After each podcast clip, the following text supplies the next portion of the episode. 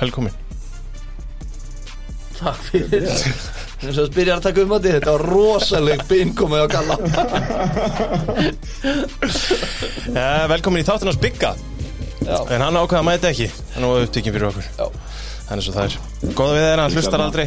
Þannig að nú er tækifæri til að halda fram að hamra Játni á meðan það er heitt Og vonandi verður hann ekkert hjá með okkur frí jólaftur já. Uh, Vali Gunnarsson Í stúdíói með mér og Matti á Eilstöðum Í Nóa Sirius stúdíóinu sittum við hérna tveir. Og þetta var bara svolítið áhugaverð Um- Umferð, ekkert smá. Og bara NFL heldur áfram að gefa þetta árið Því að maður veit ekkert við hvernig maður er á búast Nei. Það, hvað, Hérna Við erum ekki menn dós. Ég get ekki gert þetta. Mm, Bóli Núna í plastflösku En við erum klukkan 2 á þriðuti Það er eiginlega ekki að það vera þrjus En hérna, hvað segir um mati minn? Hefur það gott eða? Já, já, rosa gott. Já, við erum að handa, eða svona, já, við erum að hlaupa þess hérna til þess að þú komist í vinnu eða eitthvað djúling klukkan fjögur uh, er Nei, einhver- það er endur að segja krakka á leikskóla en það er kannski, Það er vinna fyrir, út af fyrir sig já, hvað var þetta ekki er launsamt nema andleg og góð laun. Já, fyrst og fremst E- Erum við ekki að tefja núna til að ná í þess að dós? eða? Nei, nei, nei, Nei, nei, nei. nei, Þegar Nei, fólk veit ég- að við erum ekki að drekka bóla núna Ég- ég En við op- elskum opnaði bóla sódavatn og, bara. og drekkum bóla Já, já, ég opnaði hérna titillöst sótavatn í, í hérna flösku bara. Yes. Það verður bara að vera þannig. Ég var að vinda okkur bara beint í leiki eða eitthvað sem eitthvað langar að ræða eitthvað sérstaklega eða- Ný, það er ekki bara. Mm. Er að Ekkert, ekkert að frétta? Ég er bara einhverju samningar þarna Taysom Hill, þarna, einhvern skrítið samningur sem að hjálpa Saints að uh, lifa áfram og Má ég samt í alvörinni að ég veit að þarna er lítil svona hóla Já. sem að einn, hérna glerugna glámur á eigirstöðum hefur pottið hrunið face first on í Mhm. uh, Þú kallaðir þetta, hvað sagður skattaskíli eða eitthvað svona Já. fyrir, fyrir seint að Man- nýta ma- Mannleg, mannleg peningaþóttastöð. Já, Já, þú veist, þetta er eitthvað svona, ég áttur að skota nánar en síðasti var bara, þú veist, fjögur, fimm svona fake ár til að jafna út sæningbónusin hans. Þú veist, þá geta það dreift honum á launatak næstu sex ára þó að síðustu fjögur árin séu raun ekki til.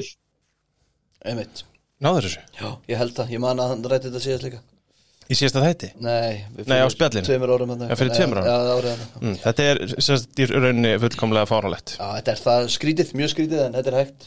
Það er ókýrslega eitthvað svona seint slegt samt. Já, Það eru nokkuð liði deildinni sem er svona að gera bara nokkuð neginn það sem þið sýnist. Já, Spila á reglunar já, Hann og, og, og Belichick og svona. Já, já. Allt í lagi? Ramsjöpil líka núna. Já, það lít nú svo smingin hvað þeir eru að gera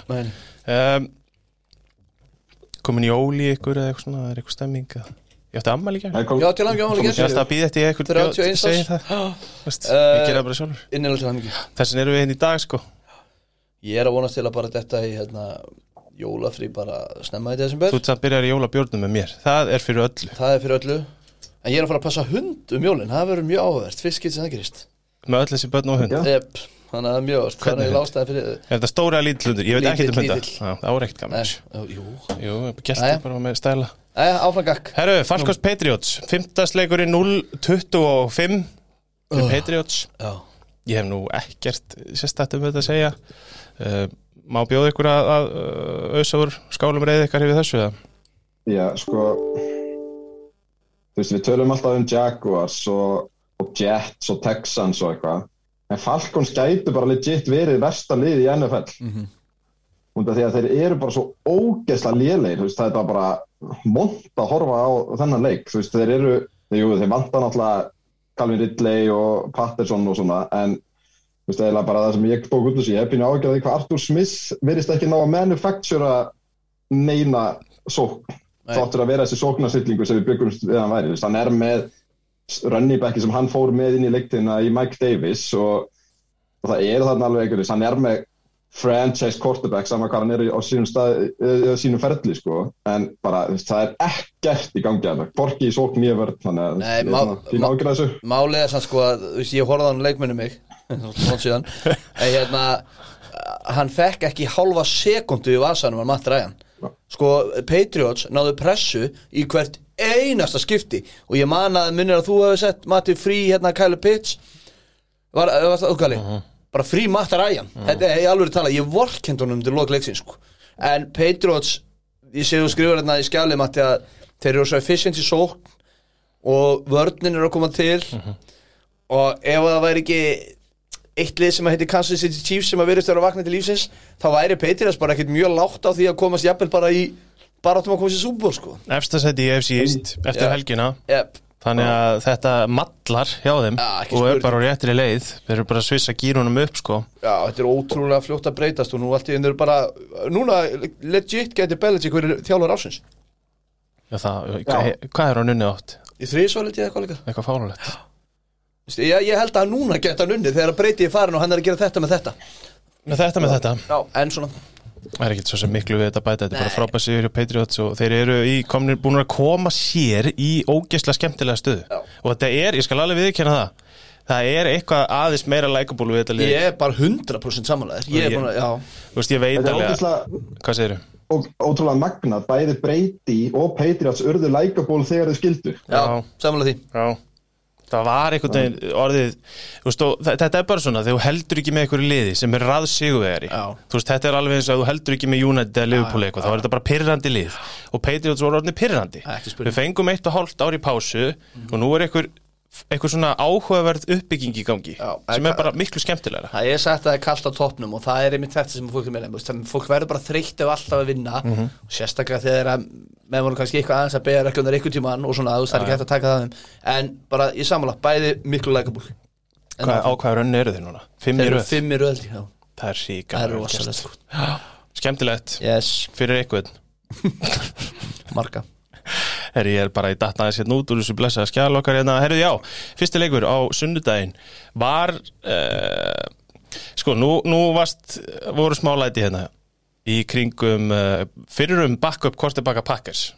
Já. Og hver hefði átt von á því að það er því þessi sem að myndi sigra þessa helgina? Ekki Tim Boyle, heldur Tyler Huntley sem mætti, uh, Tyler Huntley já, Tyler Huntley já, er, er ég að bulla Já, hérna? Er það ég að vaða Brett reik? Huntley sem var hjá okkur. Ég var alveg viss um þetta væri brett. Nei, nei, nei, nei. Þetta, þetta er annar sko. Ó, hvað er mikið vombri, ég var Já, búin að ég- býða eftir að kastis í andlita þér. Nei, ég, þetta ég sé ekki að ljúga þér. Nei, nei, þetta er ekki hann sko. Þetta Þú veist, þetta er hann, hann er bara búin að Nei, nei, breyta um Þetta er Þetta er Þetta er Þetta er sami maður, hann er bara búin að breyta um fornafn.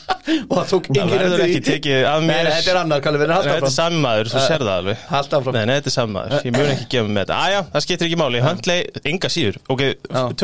Það það Já. um það. Tyler Huntley, ég held þetta að væri Brett Huntley sem því að ég veit ekkert hver Tyler Huntley er Nei, ég hef ekki hugmyndu heldur Hann mætti þarna. Hann var undrafted, undrafted í fyrra sko veist, hann var bara algjört nónum uh, sko, mér langaði eiginlega bara að vaða strax í, þú veist, jú, jú 16-13, Ravens vinna hann að leik draga hann út úr raskættin á sér Á móti Chicago á móti alveg. Chicago. Bears það sem ég finnst áhugaverðast er í þessum leik er að, að það eru allir stuðnismenn Chicago Bears búin að fá nóg af þjálfaraliðinu þarna. Það Mhm. ómar um völlin fire Naki, burt með Naki.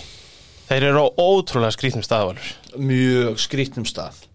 Það sem að ég Þeir eru á mjög skrýtnum stað og hérna eðlilega, þetta lið er bara hræðilegt og hérna og þeir, eftir að hafa séð hvernig fór með Mitch Trubisky þá bara einfallega, og sem og Matt Nagy var raunur fenginn til að búa til nýjan QB hann var náttúrulega sóknarþjálfur á Kansas, er ekki rétt minnaðu mér og hann var, feng, hann var fenginn til að búa til nýjan QB og þá kemur náttúrulega bara að ljósa að honum mistóks með Trubisky. Og þá, þá er bara spurningin treystaðurunum fyrir Justin Fields?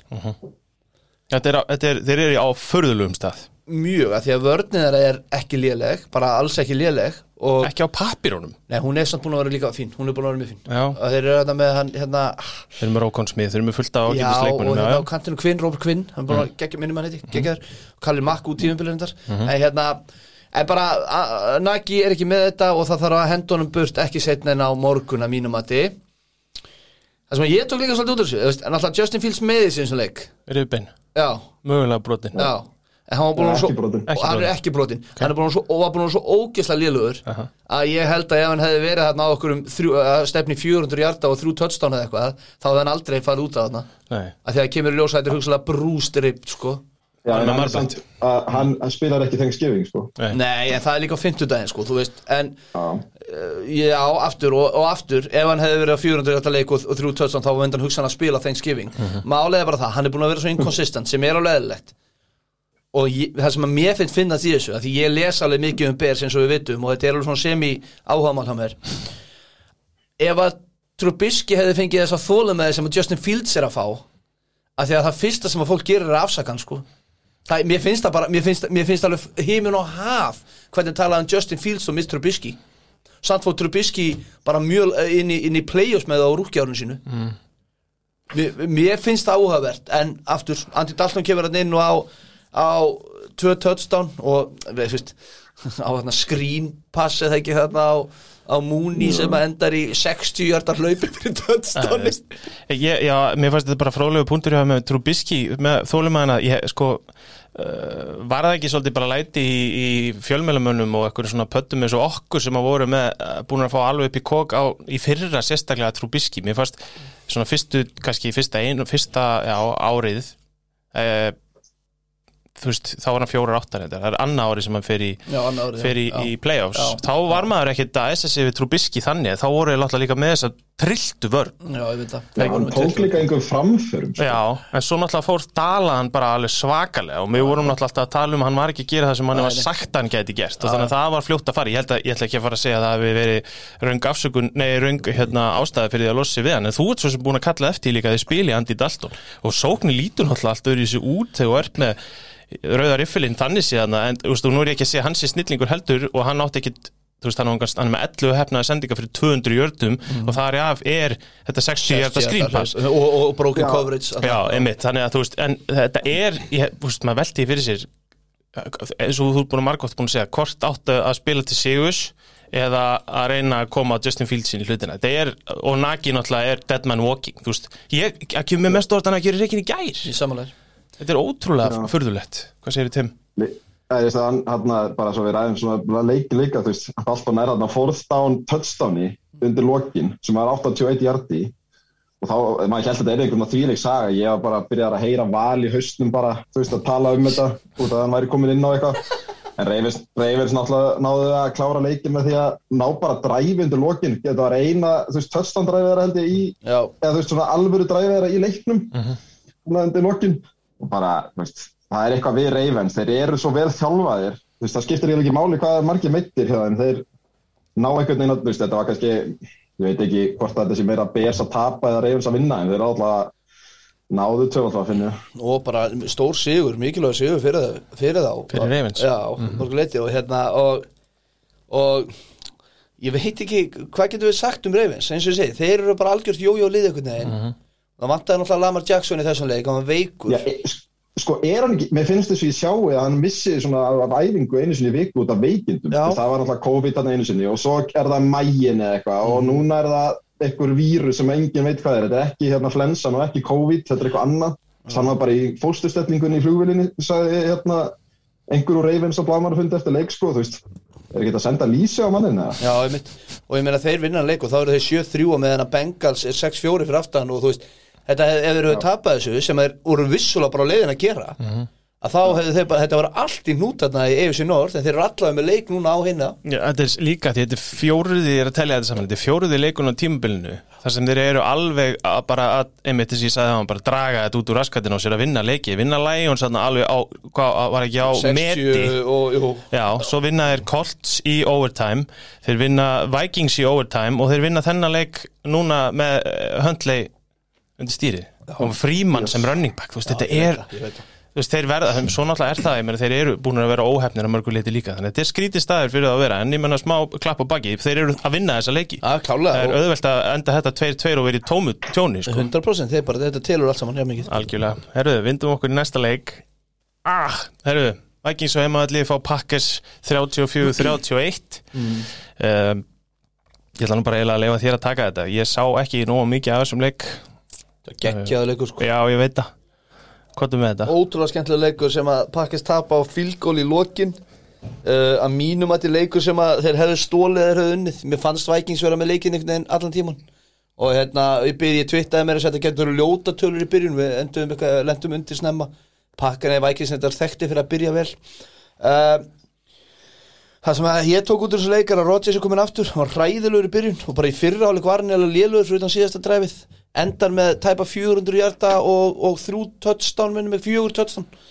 Þannig að hann er komin aftur uh, sekundarið mætti ekki á pakka en annars var vörðin allt í lagi og það voru ótrúlega mörg play í þessum leik þar sem að Cousins er að ná að henda ég tek, tek Vikings og Cousins og eftir ekki á ykkur það sem að Cousins er að henda undir þvílíku pressu og ná einhvern veginn rétt svo kastinu og svona og einhvern veginn öndurþróðan en endaði samt. Þannig að það voru fullt af playin sem ég hugsaði svona alveg þrjú play sem voru svona þetta er alveg once in a million dæmi sko. Og vörnin á því geggjari pressu þannig að ég hef yngar áhyggjur að pakkas en þá fyrir utan það að við mistum besta sóknarlínumann okkar sem var eftir Elton Jenkins út tíðanbilið og það líktar svolítið eins og Bakhtiari meislinni fyrra fyrir liðið sko. Heldur það? það líktar þannig Bakhtiari er komið tilbaka það ekki? Ég það munar nú um veit það það líka ekki, það við vitum Það er rosa skrítið það er bara skil mál. hann byrjaði að æfa í síðustu viku Mm. og hætti svo að æfa sem þýðir setback og þá var skoðan eftir bævikuna Ah, og þá eru við komin í 14. umferð. Það ekki gott þannig að það er gæt orðið þannig að, að pakkas draumar um Bowl verði ölliti minni af því að Guðminn almáttu við sóknarlega mútið Rams Mhm. þess vegna er ég ekki búin að fylla út í skjálun okkar hvort ég tippa pakkas eða Rams en hérna En þetta er pakkis, sko, mér finnst líka bara með þess að deilt, það eru rosa mörg lið 100%. með dálítið mikið að meðslum og það er ekki ennþá hægt að klína því á 17 leikja tímabilið. Nei.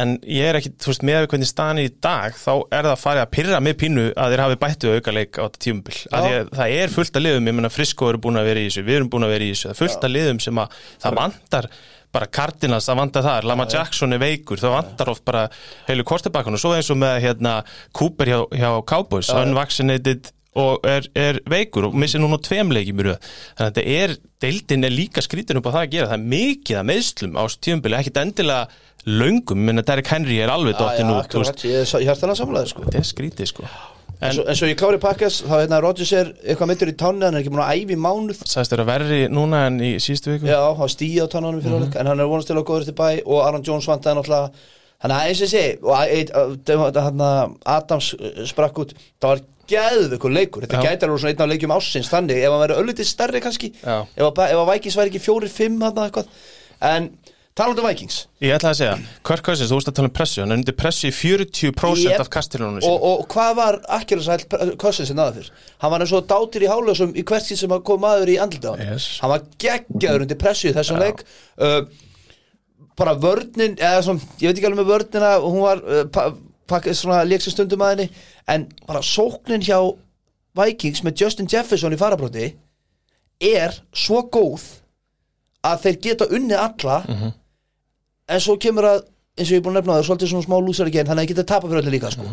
en sóknum með Justin Jefferson sem að mínum að þetta er bara en top 5 Q, eða vætri síður í deildinni er rosaleg. Og Cousins er búin að vera sko, ég ætla ekki að segja MVP kandidat í ár en hann er búin að vera geðveikur í ár sko. Sko, Já, má ég taka þetta lofti? 2775 hjartar, Já. 21 touchdown, 2 interception. Aha, áttu að vissulega að fá þrjú viðbóti þessum leikið þannig mál. Já, en ég menna, Já, hann er að spila ótrúlega vel, já. hann má eiga það. Og ég menna þetta var ekki slí, þú veist, þú varst að tala um þetta hann alltaf, þeir eru 5-5, við skulum ekki hérna, sjá mjög þess að yfir okkur. tekin sem er búin að tapa en já, Já, já, já, en ég menna, þú veist, þeir, þeir eru ég menna, þeir eru hvað tveim leikjum fyrir aftan pakka sér staðin í dag. Já, þeir þurfa að vinna það upp og þeir eiga eitt leik á á móti til þess að vinna riðilinn. En þeir eru náttúrulega bara basically að að ef þeir ætla að spila almennilega út tímabilið þá va- velta þeir þá nokkuð þælinn í wildcard-sæti og inn í playoffs sammála því þeir eiga, Já, þeir þeir eru, uh, Matti, þeir eru alveg líka með þetta, með þetta í höndunum á sig sko. þeir eru núna með hvað, sjötta sít Mhm. þetta er í rauninni hvað er eiginlega að segja að það séu komin fimm lið inn í play-offs Mhm. það er Cardinals, Packers, Bucks, Cowboys, Rams og Vikings komur bara þar á eftir með 5-5 Já, en þetta verður líka þvílíku pakki fyrir mig það setna eftir Mhm. en hérna Já, sko, næsti Nei, nei, leikur, næsti leikur hjá þeim á móti Niners úti það er bara með stærri leikjum tímabils synga til, sko. Er ekki rétt um, er það ekki næsti leikur? jú, Já, það er bara með stærri leikjum tímabils synga til. Ég ætlaði að segja að prógrami það nefnilega er bara, að, þú veist, ætti að vera ef að þú værir á fundi núna með, með liðinu þá myndir þú segja bara, herru við erum að fara að vinna bara helst uh, allan nema, uh, þú veist, við ættum að kannski að tapa tveim Þú pakka svo, og Rams? Ó Niners úti Ég, veit það ekki, þegar ég er Niners, Lions ég, ég er að segja, ef þú ætlar að fara í playoffs þá þarfst þú alltaf að vinna að Niners er Þannig að ég er að tala um. Niners, Lions, Steelers, Bears tvísvar og svo Rams og Packers. Akkurat. Já, ekki spurning. Og aftur ég stendi það sem ég sagði síðast þetta mjög Vikings geggalið Mér ég er að, ekki geggja lið En þeir, það eru hausar í þessu liði sem eru alveg geggjaðis Já. og það er, það er kannski það sem að mér finnst merkilegast við á sko. og eitt annað, svo við endum ég veit að fólk kallar eftir að hérna að hérna að hugsanlega þarf Green Bay Packers að freyga vandrarlega samtal við Mason Crosby. Því miður. Já, hann var spurður að því, herra head coach Mm. og hann sagði ekki sjans Nei, ég veit það, ég veit það. En hann er að eiga Að afleitt þurfa að gera er kannski ekki það saman En það, hann hefur svo sem gert þetta áður. Ég og komist út úr í, en ég Ég meina það er spurning hvort sé pláss fyrir þetta bara akkurat núna Ég- ef þú ert á hérna, last season. Ég vonaði ekki ekki, að mínum um, um, um, hann má klúra öllu sem hann vill fyrir mér. Ég bara, hann hætti bara, hann hættir. En já, næsta mál ætlar enginn að velja JJ sem tuttað vikunar geri ég skal það taka Justin. Jefferson. Gjörðu svo vel. Tuttugu vikurnar. 169 hjartar, 2 touchdown trilltur í þessum leik. Geðveikur. og síðasta hann að touchdown í lokin alltaf bara Já, Stokes var nýlur mér er alveg sama að þetta var hrikalega vel gert ég veit. honum. og ég meina hversu oft hefur við eh, þú veist talað ítla um cornerbacks sem lenda á Adams? Ert góðu white receiver þá líta bara cornerbacks Ég oft mjög ítla út á Ég veit móti þér. Ég það, er bara einhvern veginn þannig. Hann þannig. Heyriði Bills 15 Colts 41 Hvað er að gerast í þessari dild? Þetta er þetta Bills-lið náttúrulega held ég að bara við förum að kalla það bara út Já Þetta er eitthvað smokescreen sem að við eh, bara, ég meina þeir hafi ekki unni gott lið basically á þessu tjömbili. Þeir eru vinna Chiefs í algjöri lægð og rest er basically bara einhver, já, bara ég veit Það komið ekki, til Jaguars já, þeir eru á er- hryllilegum stað. Já, þetta er líka lið sem að þeir hefðu þurft að vinna til að sína svona smá hvað þeir eru miklu kontendera út af því að núna missa þeir Patriots upp í fyrsta sæti í AFC East út af þessum leik. Þeir eru komnir núna síðustu fimm leiki með 2-3, þú veist, tapa 3, vinna 2 og þú veist, þessi sókn er bara í besta falli average, þú veist, það er ekki til hlaupaleikur þarna, Josh Allen er valla, þú veist, hann er eiginlega hættur að hlaupa. Og, og hérna, uh, hvað heitir hann, Zach Moss og Singletary, þeir eru bara ekki til staðar og veist, þessi vörn er drullu góð en það er eitthvað hrikalega vandræðilegt og þegar þeir alltaf að bogna svona eins og núna í þessum leik, þú veist, þeir voru bestir á móti í running backum og svo kemur myndtutti vikunar og einn af mínum mönnum í deildinni, Jonathan Taylor, skorar fokkið 5 touchdown á þá Fimm 200, fimm, eða 200 hjarta sko. Þannig að veist, þetta átt að vera þeirra styrkleikur að, að mæta sko, styrkleik Colts og Colts bara brutu á niður Við höfum tekið að- þetta áður hérna, við höfum sagt þið mitt og, og ég held að ég hef talað um laupaleikin sérstaklega. Við bara hafði enga trú á þessum tveim og eins og í þessum leik þá var matt breyta allt í hennu farin að fá flesta snertingar í hlaupaleiknum. Þú veist, það er trúin sem þeir hafa á Sack Moss og Devin Singletary. Og svo kastleiknum, jú, á móti lélugum liðum þá geta Cole Beasley og sumi litið ágætla út. En það, þeir eru bara með eitt vopn. Og það er Stefan Diggs. Já, og ef þú lokar á hann þá virðist ekkert annað að vera að frétta þarna. Allavega er Josh Allen ekki að finna það.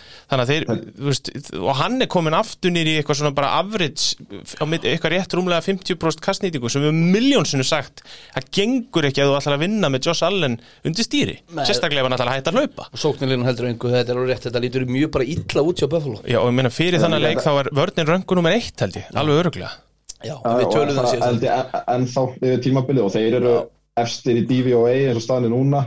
En ég með grunnar að það fari nú hratt niður á við upp á þessu.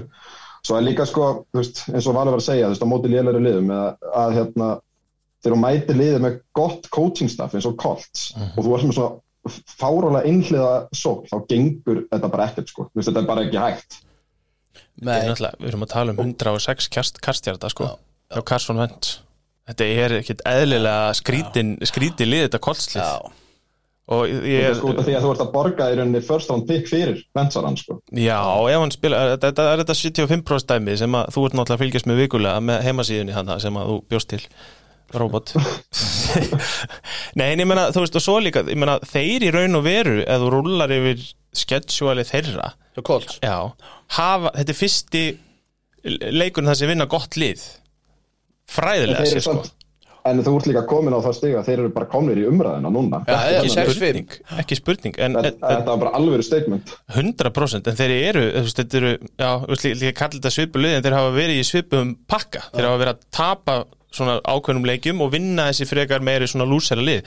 En klappa baki á kolts að því að við höfum ekki farið einu silki hönskum um þetta koltslið en mér finnst líka einmitt bara, þú veist, ég held að bara þegar maður horfir á það bara, heyrðu þeir eru bara innitt þú veist, það komið bara, þú veist, það kemur manni pínu á óvart Sko, já, og Carson Wentz, hvað er hann með tvo tapaða bolta eða eitthvað á tímbilinu? já Eða sex. Já, en sko, það er einmitt það, þú veist, auðvitað overreaksjón Tuesday núna eða whatever en eftir svona sigur og maður sé Jonathan Taylor í þessu stuði auðvitað eru þeir innit Já, já. og maður hugsa bara, heyrðu, það er bara ákveðlega spennandi að fylgjast með þeim er þess að sko hann er líka bara ákomin í þú veist, eldi áraðin offensive player of the year favorite sko. Ég meina veist, gæinn er með flesta skrimmitsjarta og Já, einhver 15 touchdown og er þetta ekki tímabilið það sem að offensive player of the year, það er að segja non-QB staði, gæti bara verið MVP of the year? Er ykkur MVP Ná- sem ná- er langbæstur? Nei, þetta er QB, fyrir ekki. Nei. nei, Ég myndi að segja það, ég, þessna verið svo spennt fyrir Terrik Henry og þú veist Já. að hann er bara MVP Já. Jonathan Taylor getur alveg tekið MVP Ég með, þetta, já, það verður mjög skrítið. Það er ekki nema Tom Brady eða eitthvað stíi bara massíft á petalan og, og látið aða á þetta sko. Af því að það er alveg alveg það er rétt hjá þér sko. Yes. Henda okkur yfir í Cleveland Browns 13, Detroit Lions 10 og hafa það snögt af því að guð minn góðu hvað þetta eru leiðileg liðmaður Þetta er hæðilegt sko. Já. Ha, Baker Mayfield ég þarf að setjast á bekkin Hann er meittur já, Já, hann Hendi, er meittur já, þú veist, hendi Kínon, aðna, Case Kínon Case Keenum? Inn, inn á. Inn á með hann? Eh, Baker Mayfield er meittur og hann getur ekki neitt þegar hann er meittur Nei, maður Og svo, ég líka bara, þú veist, ég veit að það er rosalega tísku núna að drulluðu Baker, þú veist, konan hans kom þarna með skot á liði að þeir þurft að get tougher fyrst að Baker er að spila, sko. Baker lukkar ekkert vel mittur, þannig að ég veit ekki hvaða pó- punkt hún er að reyna að koma þarna með. En ég set nú bara spurning og merkja á Stefanski að hleypunum inn á. Já. Sett, kvildan bara, þú veist, þú ert í bullandi playoff race og það getur ekki verið að þessi útgáfa Baker sé betri en Case Keenum. Ég er saman því Hafið ykkur tíma strákar, svolítið kannski of Það sem að kona eða mamma eða, eða kærasta kemur einhvern punkt og þau hugsið, hm, það var bara nokkuð góðu punktur hjá henni Af hverju eru það alltaf að bæta ykkur svona olí og eldin í svona lið? Þetta er líka eins og þegar Giselle fór að tala um Brady á sínum tíma það kemur fyrir bara íllin í hópin og svona. þú veist, það er alltaf að hafa þessar skoðanir skilur en þú ert náttúrulega orðin high profile manneskja þegar þú ert farin að rappi við liðið þarna og þetta er alveg rétt, ég meina hann spilar illa almennt, Baker, þegar hann er meittur það er ekki eins og það skáni eitthvað sérstaklega. Hinum með boltan náttúrulega, þú veist, almáttur það er hérna kom, við sveldist á. Já, þessi veldist á tölunum uh, 77 hjartar og 2 interception hjá Tim Boyle, manni fólksins það sem að ég var, já, Já, ég meina stýrið þeim í þryggja stiga tap sem var líklega eitt minnsta tap þeirra í sumar. Eða- Nei, nei, þetta var Já, ræðilegt djú, þetta var alveg svakalegt en, en þeir eru hefnir að vera með Deandre Swift þannig að komi akkurat. lítið aðeins betur út í, í þessu dóti en guð minn góður, maður, bara- 136 hjart og touchdown. Það er nákvæmlega ekkert um. Lionslið að segja. Bæði, bæði leik kom út sem. 100% Yfir til uh, Carolina Panthers 21, Washington Football Team 27 Cam Newton að starta og ég verður vikina, vonbriði Ég bara sá ekki nóða þessu en með taka þetta því miður. Þú veist, það er svo sem, það er ekki droslega mikið að segja þetta, það er svo, svo, svo svona eitthvað sem að hafi aðeins svona ræst vélina hjá Washington.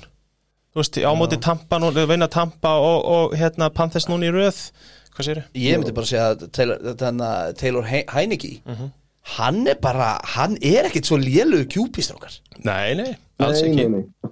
Og hann hann er ekki, þú veist, hann á sína leikin á milli sem eru bara, já, ok, þú veist, hann var betri kjórnum ekki í þessum leik og hann fekk enga umræðum, það sko. Já, 206 hjarta, þrjú touchdown og smá svona Antonio Gibson stega aðeins upp. og svo er, þú veist það er, það er alveg, við vitum og höfum rætta hérna, það er eitthvað í þessari vörn hjá þeim, þú veist, það er fullt af fínum leikmönnum hana, en ég menna spesir svona, er þetta ekki svolítið seint að ætla bara á hvað rönn núna og þrýr, sex fyrir þennan leik, fjóri, sex eftir?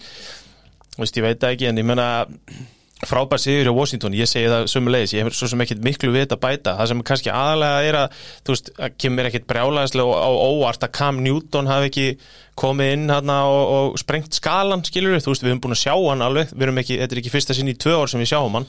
Ég kemur ekkert óvart. Ég, Nei. Það hefði komið mikið óvart ef hann, ef hann hefði verið eitthvað frábæri leik. Einmitt, en veist, þetta, er, þetta er samt allt í lægi ég menn hann, Já, já, já, hann er að spila nákvæmlega sinn leik. Hann er með 21 hefnaða kastilurinn og 10 hlaupatilurinnir, þetta er rosalegur Cam Newton leikur. Mm -hmm. tvö, tvö köstu tötstan og eitt hlaupi en en að, veist, ég held að er ekki Pantes bara á þeim stað að þurfa svona bara svolítið að rétta skútuna af eftir allt þetta QB fiasko og, þú veist, þeir eru með þessu, við erum búin að, veist, er, þetta er svona lið þess sem ég er að segja sömu hlutina alltaf, að þeir eru ekki með quarterback sem er einna bestu í deildinni, þeir eru með góða vörn og ágæti svopn en vandamálið er bla bla, þetta er alltaf sami hluturinn sko. Þetta, þetta var satt leikur sem ég var að vonast til að þeir væru svona pína að taka skrefið átta play-offs. Ég var svona, þú veist, smár smeykur við á sem 49ers maður því að þeir eru þarna í sama pakka og því að þeir eru með topp 5 vörn en voru samt með bottom 3 sók áður en að Cam Newton mætti.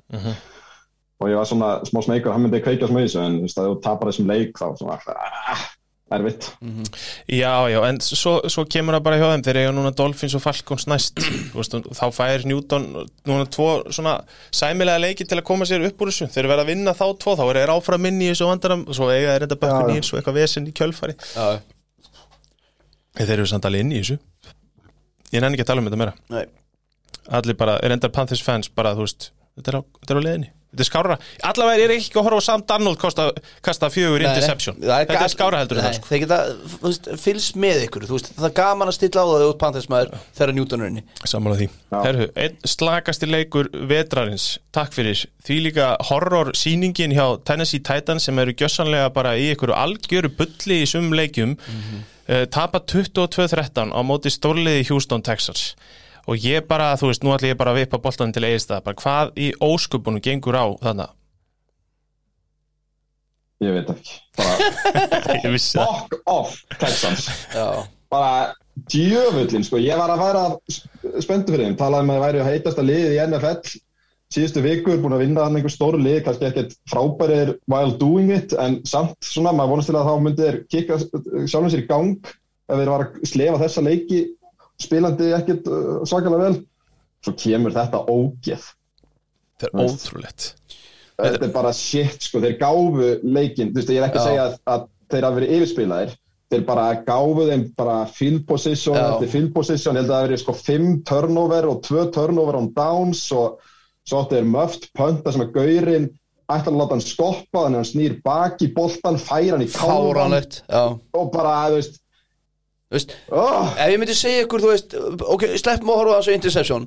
Annar QB er með 323 hjarta og hinn með 107 Mhm. og þessi með 107 hjartana vann leikin Þetta er svo í kolts leiknum á Já, já, þetta, þetta var enda svolítið svona, já, það er Já. ekki einleikurinn En hérna, og eins og Matti segir, þeir voru að gefa þeim field position eftir field position og þeir töpuðu þessu leik frekar hann að Houston vann hann með fullir virðingu fyrir Houston sem er nú ekki mikil reyndar. Ég held líka bara, og nú, nú sko, það, þeir eru búin að vera á mjög skrýtnum stað Tennessee, þið missa Derrick Henry út. Og þú, það er enginn sem að hugsa með sér jæja, nú er Henry dottin út, þá leifum við Tannehill að kasta 52 sinnum. Nei. Tannehill er ekki kortibak sem þú vilt að kasti 52 sinnum. Nei, með hann er game manager algjörlega, Já, já. og þeir eru fyrir viki á mjög skrýtnum stað með Adrian Peterson og eitthvað svona, þú veist, mjög mjög sérstætt og þetta er bara held ég allra slagasti leikur sem að ég hef nokkuð tíma sér Ryan Tannehill spila Já. og maður sáða á nokkra í há Dolphins sem voru frekar slagir sko. Og maður ma ma var sko búin að sjá þetta svolítið í leikjunum undan að við vorum að tala um það, við vorum með 60 hlaupaðar þeim voru að vinna einhvern veginn svona skrimta þetta áfram og það er bara, þú veist og núna þurftu þeir á öllum sínu sóknarleika að halda með við fílpósessin sem það voru að gefa frá sér. Mhm. og það bara því miður, þá bara hendið Tannehill í fjögur interception og það er, það er ótrúlega skrítið að segja það að Texans, þú veist, eru alveg ofbáslega lélegt lið og ótrúlega vondum stað. En þeir eru samt ekki það lélegir að þú geti mætt bara og Nei. gert ekkert í fjóra leikluta. Texas er einhvern veginn að Tyro Taylor er nefnilega bara Já, já, er, þeir eru einhvern veginn að ná að vera sér ekki til skammar. Þú veist, þetta er svona, maður, maður hugsaði ekkert um Texas sem er svona Lions. Nei, þú horfir líka á statsítið hérna hjá, hjá Texans og við skulum alveg hafa það á hreinu. Það gerði engin neitt í þessu leik Nei. annar en nokkrir varnamenn hjá Texans sem að gripu interceptions Og teams, og Tyro Taylor. Já, já, Tyro Taylor kastaði nánast ekki neitt hann hleypu fyrir tveim töstónum restis history sko. já, ég veit. Það er ekkert annað að frétta Nei. þannig að ég bara skil tætansliðið er bara, þú veist, þeir eru 8-2 Já, þeir eru á rillilegum stað. Já, þeir eru ennþá efstir í ekki? Ég meina þetta gæti samt líka bara farið fram af sko bjarginu hérna. Ég veit en þeir eru samt Já, en ég held, ég held samt að þetta hafi verið svona smá átlægir svona, en fuck off samt, þeir eru döði fyrir mér. Já, þeir eru döðið fyrir mér. Áhæfist Þeir eru að verja þá, svo bara stinga þau í Það Let's go. þeir eru að Patriots næst. Áhæfurleikur mm herru, Matti minn til hann mikið með sigurinn. Já, takk fyrir. það er San Francisco 49ers 30 Jacksonville Jaguars 10 ég held að ég bara leiði honum að fá mikrofónin svona sem ég leiði þér á hann Já, við erum náttúrulega ekkert búin að ná að tala um 49 eins og það að við tókum upp áður en að þið spiluðu við Rams og þeir hafa bara lukkað drullu vel síðustu tveimur leikjum, hafa greinilega búið til einhverja nýja, nýtt sóknarskipulag hérna út af því að í báðum leikjónum byrjuð þeir fyrstu sóknar sína þú veist, á móti Rams 11 mínútur.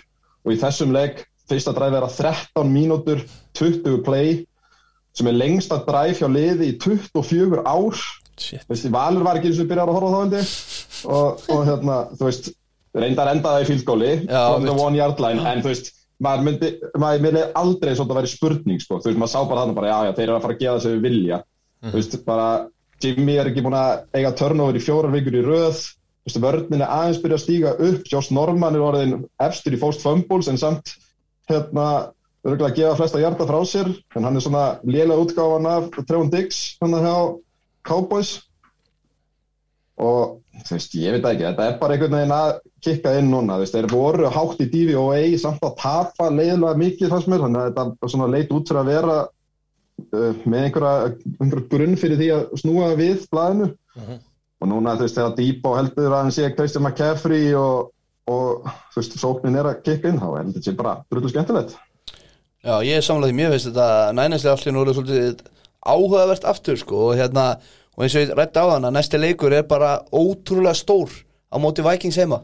Og það, mér finnst það vera bara svona statement leikur hjá báðum liðum. Ef að Nænæs vinnur hann segjum bara, þú veist þægilega inn í sviga, bara vinnan og bara eru flottir doing it þá eru þeir bara til alls líklegir finnst mér sko. Já, þeir eiga, Já, og þú veist, hvað segirðu?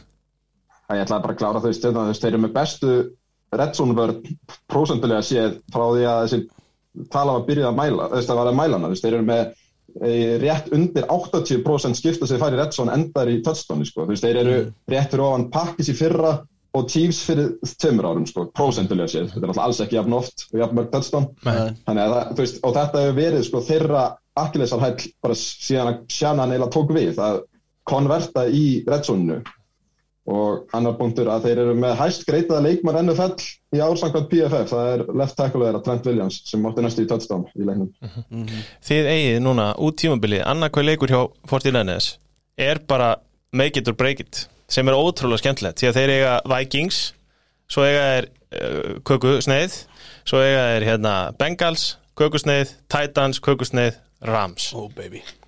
Hann á milli eru Seahawks, Falcons og Texans sem ætti að vera svona þokkalegir Já, þannig að þeir, þeir fá alveg að sína okkur hvort þeir eiga, eiga það skilið að fara í play-offs eða ekki sko. já, ekki spurning það eru mörgunni Þetta lið er sem eiga alveg- skýta prógram nefnilega framöndan sko.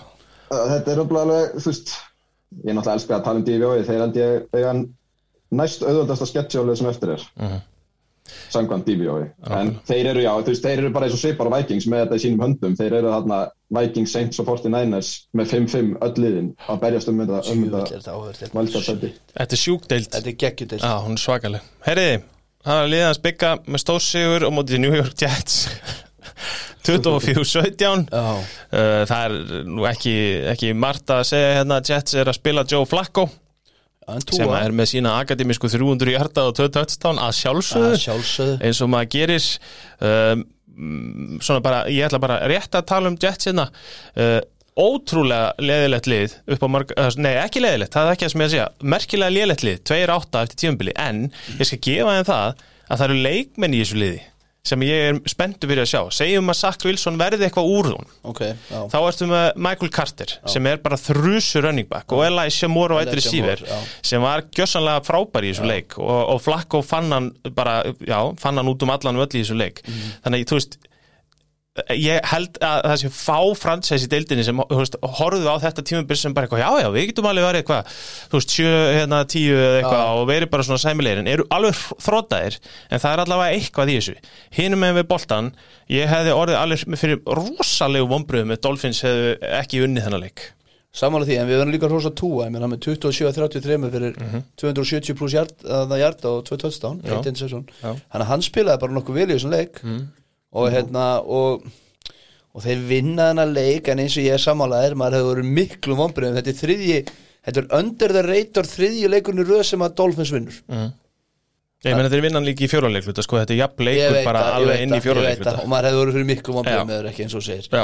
En þeir eru búin að vinna þrjáröð eiga schedule sem þeir getunni næsti leikur minni með smá trikki, mann ekki hvað það er. Skal bara fletta Já. yfir Panthers. Já Panthers, það er trikki, já, er, alveg, erfiður leikur þannig, en geta alveg unnið hann Já. Þetta er Panthers, Giants, Jets Panthers, Giants, Jets og svo seint, ég menna það, þú veist Það gæti verið eitthvað Já, en er þetta nóg eða?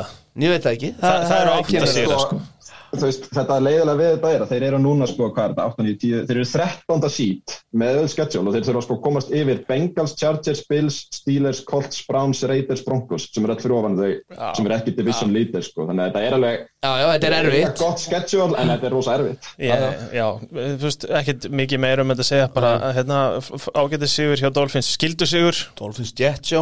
Já, og klappa baki á bygga, hann, við þurfum ekki alltaf að vera leiðilegi við Nei, bara indislega maður. Indislegur maður, frábær sigur. Hann er örgulega fagnað uh, kyrfilega þegar hann satt og horfði á þennan stórkostlega leik. Yfir í uh, mína menn Djók, ég hafa búin að kasta mér aðeins að les maður. Heyrðu, það er Philadelphia Eagles 40 New Orleans Saints 29 Þessi er ekki komið mest óvart eða af öllum þessum í deildina því að, að því að ég og Matti vorum að ræða held ég að þú veist hlaupavörnin hjá Saints er eins og besta í deildinni hvort hún var ekki besta í deildinni og Jalen Hurst er ekkert mikið fyrir að kast, kasta boltanum. Ekkert á óþörfu allavega. Ekkert óþörfu þannig að maður helst bara heyrðu þeir að fara að hlaupa, hlaupa, hlaupa og Saints er ekkert að reyna en að gera en að leifa en það. Heyrðu þeir ákveðu bara að leifa en það. Já, þeir að hlupu og hlupu og hlupu og bara rulliði verið hann leik. 240 hlaupahjartar Jep, þetta er alveg Það er eitthvað þannig að þetta Eagles þeir eru að toga mig aftur inn. Já, ég, ég veist ég bara skilja vel. Og það er Gaurin er helviti skemmtilegur þjálfarið þeirra. Sirianni? Ja, hann er svona nýji Brandon Staley eins og Brandon Staley átti sínar vikur hóttum daginn Já. á blaðmannafundum, núna er Sirianni að fá sama hæp sko. en að fá ástina að því að sko Sirianni virkaði á okkur alla eins og hann væri bara eitthvað mjög Já, förðulegur já, en, Hann hann er alveg hörðulegur, hann er samt skemmtilegur núna út af hann er að vinna. En það er líka, þú veist, það er þetta að, þú veist, ráða þjálfara og þú segir við gæðin, heyrðu, þetta er liðið þú þarfst að smíða eitthvað í kringum þetta. Þú ert ekki að fara að fá neitt annað. Skilur þú ert ekki að koma með eitthvað sókna skím hérna sem að virkar ekki, þú veist, þú ert ekki að fara að kasta boltanum með mitt nákvæmlega, hérna 50 sinum í leik því að gæðin sem erum með, hann bara getur það ekki. Nei. en svo er annað með Jalen Hurts. Hann er ekkit glataður kastari. Nei, nei, Jalen, sko, hann er bara það góður hlaupari. Já, að hann þarf ekkert að vera svo góður Nei, kastari þetta er sigurlösa útgáðan að Lama Já, Jackson, ég er að það segja það, þér já. Þú veist, þetta er bara sami pakki og ég er bara dálítið hrifin að þessu dæmi hjá þeim að því að, ég meina maður var, þú veist, Eagles voru bara eh, á skrýtnum stað, sko. Ég bara, þeir eru bara, þeir eru ótrúlega erfitt lið að mæta í hverju einustu viku. Og ég bara tölum um hérna pick-upið hans Mattiasar hans í Fantasí hann náði sér í Miles Sanders og Saquon Barkley bara í sumu vikunni á veifurnum Miles Sanders kemur hann inn eins og þú ert að tala um á þess að hlaupa 16 tilhörni 94 hjartar þetta er ótrúlega vel spilað leikur hjá þeim. Og þeir skíma þetta alveg hryllilega vel. Dallas, og þeir eru reynda líka tóku það ákvörðin þessari vika að ráða út samningum alveg eins og vindurinn ég var ekki Dallas Goddard gerði langan samning og svo var einhver hver var það í vörninni á mannstu hver það var? Nei, Nei, ég það var hérna uh, eitthvað cornerback, það ekki? Þannig að ég Það bara máli. Nei, ég ætla að segja bara Eagles á veist, alveg ótrúlega skemmtilegum stað meðan Saints eins og er Þetta er Trevor Simeon dæmi hjá þeim. Þú ert komin ansi langt í hérna Já, já. Örfiðina sko. Hann með þrjú töðstan og tvö einn þarna sko 214 hjarta Já, hann er hann ekki bara svona QB Þú getur fengið leikið það sem hann vinnur og svo færðu svona leikið það sem hann bara svona er ekki nóg til að Nei, ég ætla líka að segja, ég, hérna. ég sé svolítið eftir að þetta sé fyrsti punkturinn minn hérna að því að við heldum við höfum líka bara séð hvað gerist þegar að Alvin vinnur okkar er já, ekki já, með. Já, já, þá bara er, þú meina hann er allt liðið, þú veist að restin er bara ekki nógu góð til að standa undir sér ánans þú veist, Nei, Nei, en það, maður bara, bara, þú veist, það eru svo miklir vætri sívar þrjú út um allt þarna já, sko. ég, er að segja, ég meina það þú, veist, Já. þú, ef þú ert með running back 1 og wide receiver 1 og þegar þú tekur hann út þá er ég að tala um Kamara, fyrir utan að Michael Thomas er ekki með, Já. þá er þetta orðið Já. frekar Já, þunnskipaðar ég er samanlega því. Og svo þá þarftu líka ef að vörnin er ekki betur en þetta því að vörnin hefur verið góð hjá þeim Mhm. og ef að vörnin er ekki betur en þetta þá þarf Simeon að fara að vinna leikin fyrir þig. Og það er ekkit endilega að fara að gerast. En mér finnst, ég ætla bara að beða stafsökum, mér finnst óþara því að Simeon skal gefa hann það, ég viss, ég veist, átti ekki sérstaklega vona því að hann myndi gera nokkuð skapaðan hlut, en þetta er allt í lægi hjá hann. ég, ég, það er sem ég segi, hann er nefnilega allt í lægi QB Já, en, hann, hann, hann, vörnin þarf að gera sitt Eagles eru samt alveg líklegir til að eiga smá playoff-run hérna, þú veist, þeir eru þarna rétt fyrir neðan Vikings, Saints og 49ers Mhm. með hérna í þessu og þeir eru sko Giants tvísvar, fútbóltím tvísvar, Cowboys og Jets eftir. sko, Eagles are going to the playoffs, þetta er baby. áhugavert og að að sko, það eru svo mörglið í NFC og þess vegna að segja ég er alveg 100% af því að liðið sem er fyrir bævíku endar ekkit endilega með heimavallarrétti. Það er að segja, en, þú þeir tapa hugsanlega á liðinni mm -hmm. að því það eru svo mörg liðana sem er að berjast bara frá bara allir geta unnið alla í play-offs í NFC Vikings geta unnið alla. Eagles geta ekki alveg dottið á eitthvað og unnið eitthvað eitt lið sem er fyrir að ranka fyrir það þessi, þessi úslutakefni sérstaklega NFC megin og reyndar eða sér líka verður bara heyrið hvað liðir að berjast um að komast þannig áfram. Endarspretturinn á þessu tímbili verður á. eitthvað. Rugglað og það er Ruglaður. klikkað. Næsti leikur. Við erum að fara til eitthvað rugglað klikkað. Um, Las Vegas Raiders 13 Cincinnati Bengals 32 og þetta var leikur dálítið vel og lengi og einhvern veginn já, þú veist ég skal alveg viðkynna það því ég, ég var búin að fyrir að fylgjast með þessu þarna, svona langt inn í þriða leikluta og það var einhvern veginn ekkert að frétta. Þannig sé hjá Bengals og þú veist maður held þeir að koma af bæðvikunni einhvern veginn að þeir myndu koma aðeins sterkar inn. Svo í fjóru leikluta þá valda þeir yfir eitthvað og gera það bara nokkuð vel. Miða við að Joe Burrow ákvað að kasta heila 150 í hjarta sko. já, Já, þetta var skrítið sko, út af því að þetta er náttúrulega á heimavallar reytis og það var að byrja að púa á það og þú veist, það er veriðist vera sko búið að breyta svolítið stemningin í reytis, þeir voru virkuð rosa peppaðir með hérna interim coachin sinn sem ég mannir þetta ekki hvað heiti núna. Og, og Derek Carr talaði eftir fyrsta leikin með honum að hann ætti að vera fægori til að vera head coach framtíðarinnar. Og svo eftir þennan leik þá kastar uh, interim coachin eiginlega Carr undir rútuna og þetta er allt eitthvað voðalega svona, veist, Þetta er að bráðna fyrir framann okkur, Já. það er eins og við rættum fyrir nokkrum þáttum að það er, það er bara x mörg áföll sem að lið getur tekið án þess að það fari bara að hafa áhrif á bara allt í kultúrnum og bara í félaginu. Þetta er, þú veist þetta þið byrja náttúrulega á þessu grútundæmi og svo kemur náttúrulega Ruggs. beint, beint röggs og svo er vinnur okkar sem var að veifa byssu þarna. Eins og ég segi, það- þú veist þetta er einhver smá fígur sem er að lenda í þessu. Og hann að auðvitað hefur þetta áhrif og við erum bara eins og maður segir, við erum að sjá þetta brána fyrir frá okkur því miður. 100% en hérna smá bara þannig að við lífgunum aðeins upp á umræðuna. Því að mér finnst Bengals mér finnst þeir skemmtilegir. Mér finnst það skemmtilegt lið og þeir eru nefnilega svona þeir eru í þessum skrýtna reyðli sínum. Það sem allir eh, geta ekki Já. neitt og allir geta eitthvað.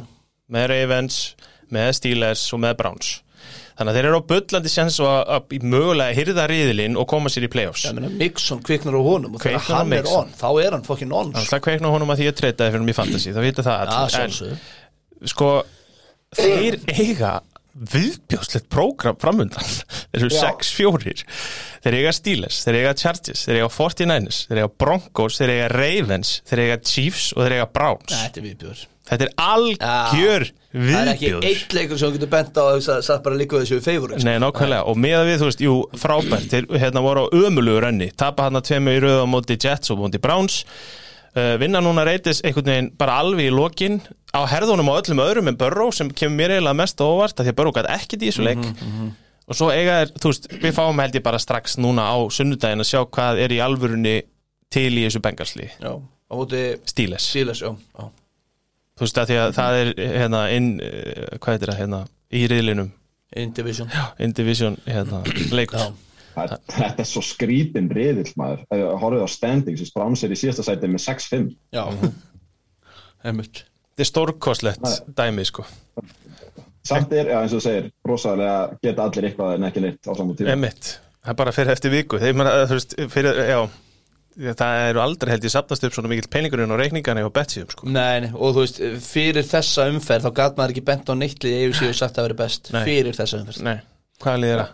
Kansas þetta er ennþá meira pyrrandi núna sko. Já, Valur sér Kansas, hann hefur ekki að vippa okkur yfir í Já. bara Kansas City Chiefs. Ekki næst síðastleikur bara eitthvað. 19 stig þar á móti 9 hjá Dallas Cowboys Mike McCarthy og félugum það er Jesus Christ Já, það sem að, sko, það sem að maður á að taka út úr öllum Kansas-leikjum sem maður horfur á núna er vörnin hjá Kansas Já. hún er bara orðin legit góð, sko hún er ekki lengur bara einhvern veginn að að gera sókninu auðveldara fyrir að vera best. Hún er að halda við sókninu að ykkur leiti Já, Sóknin var ekki, leiti ekkit mikið betur út sko. Nei, og þegar, þegar að, sorry Matti, eftir smástund þegar að vörnin lítur svona vil út hjá Kansas Mhm. þá hefur maður alltaf tilfinninguna að sóknin fyrir, að- að detti inn. Þá verður þetta fyrstur áður lið sko.